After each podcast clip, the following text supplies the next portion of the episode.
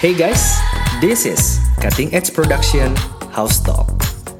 Dalam podcast ini, kita akan mengupas beragam topik seputar kehidupan dan kepemimpinan yang kami percaya akan memberikan nilai tambah dalam perjalanan kehidupan Anda. So this is it. Let's listen to today's House Talk. Selamat datang para pendengar Cutting Edge Production House Talk kembali lagi bersama saya Filemon Karis dan ada bersama-sama dengan saya Pastor Semi Hartanto. Hey Phil. Uh, tentunya kita akan membahas kembali mengenai hal-hal yang dapat membantu Anda dalam menghadapi kehidupan ini, dapat membantu Anda dalam kehidupan Anda sehari-hari. Kami hendak berterima kasih bagi para pendengar yang sudah mensubscribe channel kami dan kami juga hendak menghimbau bagi Anda yang memiliki pertanyaan untuk dapat mengirimkan pertanyaan Anda ke alamat email cephousetalk at. Dan pada hari ini kita akan membahas banyak hal mengenai networking. Sehingga judul podcast uh, kita pada hari ini adalah Keys for Effective Networking atau networking yang efektif. Pak Sursem, mungkin Anda dapat uh, men-sharingkan sedikit mengenai seberapa pentingnya networking untuk dimiliki oleh seorang pemimpin. Ya, ada sebuah pepatah mengatakan kalau kita mau tahu keadaan orang lima tahun ke depan kayak apa, lihat aja dia bergaul dengan siapa. Dengan siapa dia bergaul, maka itu akan menentukan masa depan dia. Menurut saya benar, karena pepatah juga mengatakan pergaulan yang buruk merusak kebiasaan yang baik. Berarti dengan pergaulan yang baik akan ada kebiasaan yang baik pula dan kemudian itu akan menghasilkan uh, satu destiny tujuan hidup yang juga baik.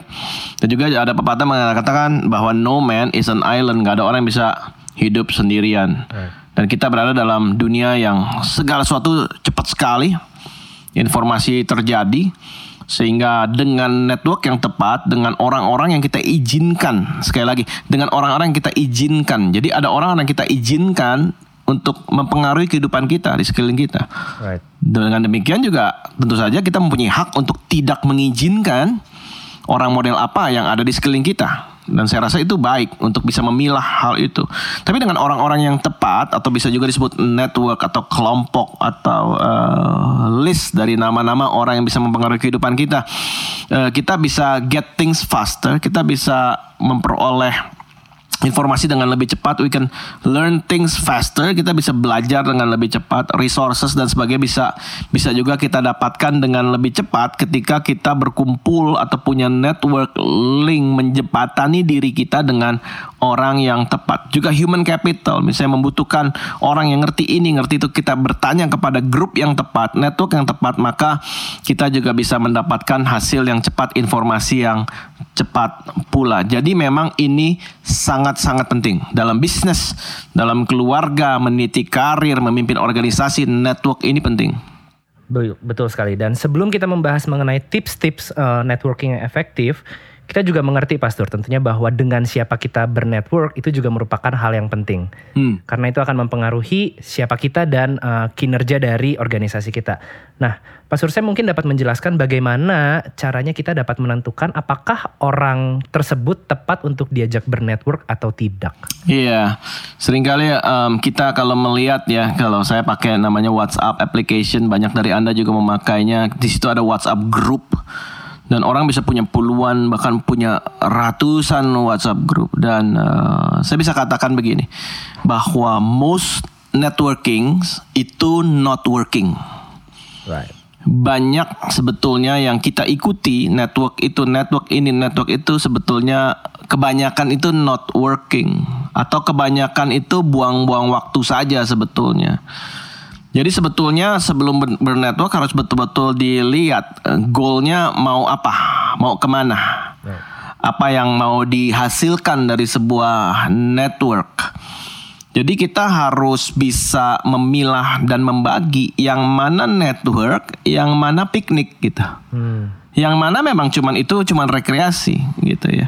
Jadi sering kali saya lihat orang membuang waktu banyak untuk yang namanya network padahal menghasilkan sesuatu yang not work gitu, nggak menghasilkan apa pun. Right. Dan uh, apakah ada cara-cara atau indikator yang tepat, Pastor? Maksudnya untuk dapat membedakan, oke, okay, this is the guy, and ini orang yang baik yang dapat memberikan sumbangsih yang baik berdasarkan pengalaman Pastor. Jadi network yang jelas saya rasa itu harus ada uh, cara main yang jelas, network apa pun. Hmm. Cara main yang jelas, uh, frekuensi komunikasi yang jelas, hasil akhirnya jelas. Hmm. Network ini mau arahnya ke mana? Kelompok ini mau arahnya ke mana? Kumpulan ini mau arahnya ke mana? Gitu. Hmm. Dan juga waktu yang jelas, kapan saya bisa berhenti hmm. dengan network ini? Itu merupakan sesuatu yang sehat menurut saya karena toh nggak mungkin satu orang berada dalam sebuah network untuk uh, untuk untuk selama lamanya mungkin jarang sekali jarang sekali ada jadi uh, yang perlu kita cermati adalah tujuan. Tujuannya hmm. jelas. Yang kedua lihat diri sendiri.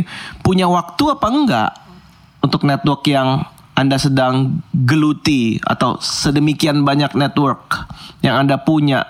Kelompok demi kelompok punya waktu apa enggak? Yang berikutnya punya resources apa enggak? Karena untuk networking itu mahal. Karena kalau dia sampai ikut ke dalam salah satu hal yang kita buat, maka kita harus juga komit untuk apa pun yang dia buat. Gitu. Hmm. Dia datang ke acara Anda, dia datang ke launching Anda, dia datang ke apa pun yang Anda buat sebagai bagian dari network. Apa pun yang dia lakukan, Anda harus mempunyai irama dan semangat yang sama. Kalau enggak ya nggak enak. Right. Jadi apakah sama-sama belajar di dalam network itu? Apakah sama-sama bisa membagi keunggulan? Apakah sama-sama bisa berubah untuk menjadi yang lebih baik lewat network tersebut? Anda orang bisa punya kapasitas punya network yang sangat besar, tapi apakah punya waktu? Apakah punya sumber daya untuk merawat network tersebut? Jangan sampai dikenal sebagai orang yang ikut semua tapi nggak komit ke semua. Hmm. Orang yang ikut ke semua tetapi sumbangsinya sangat minim begitu.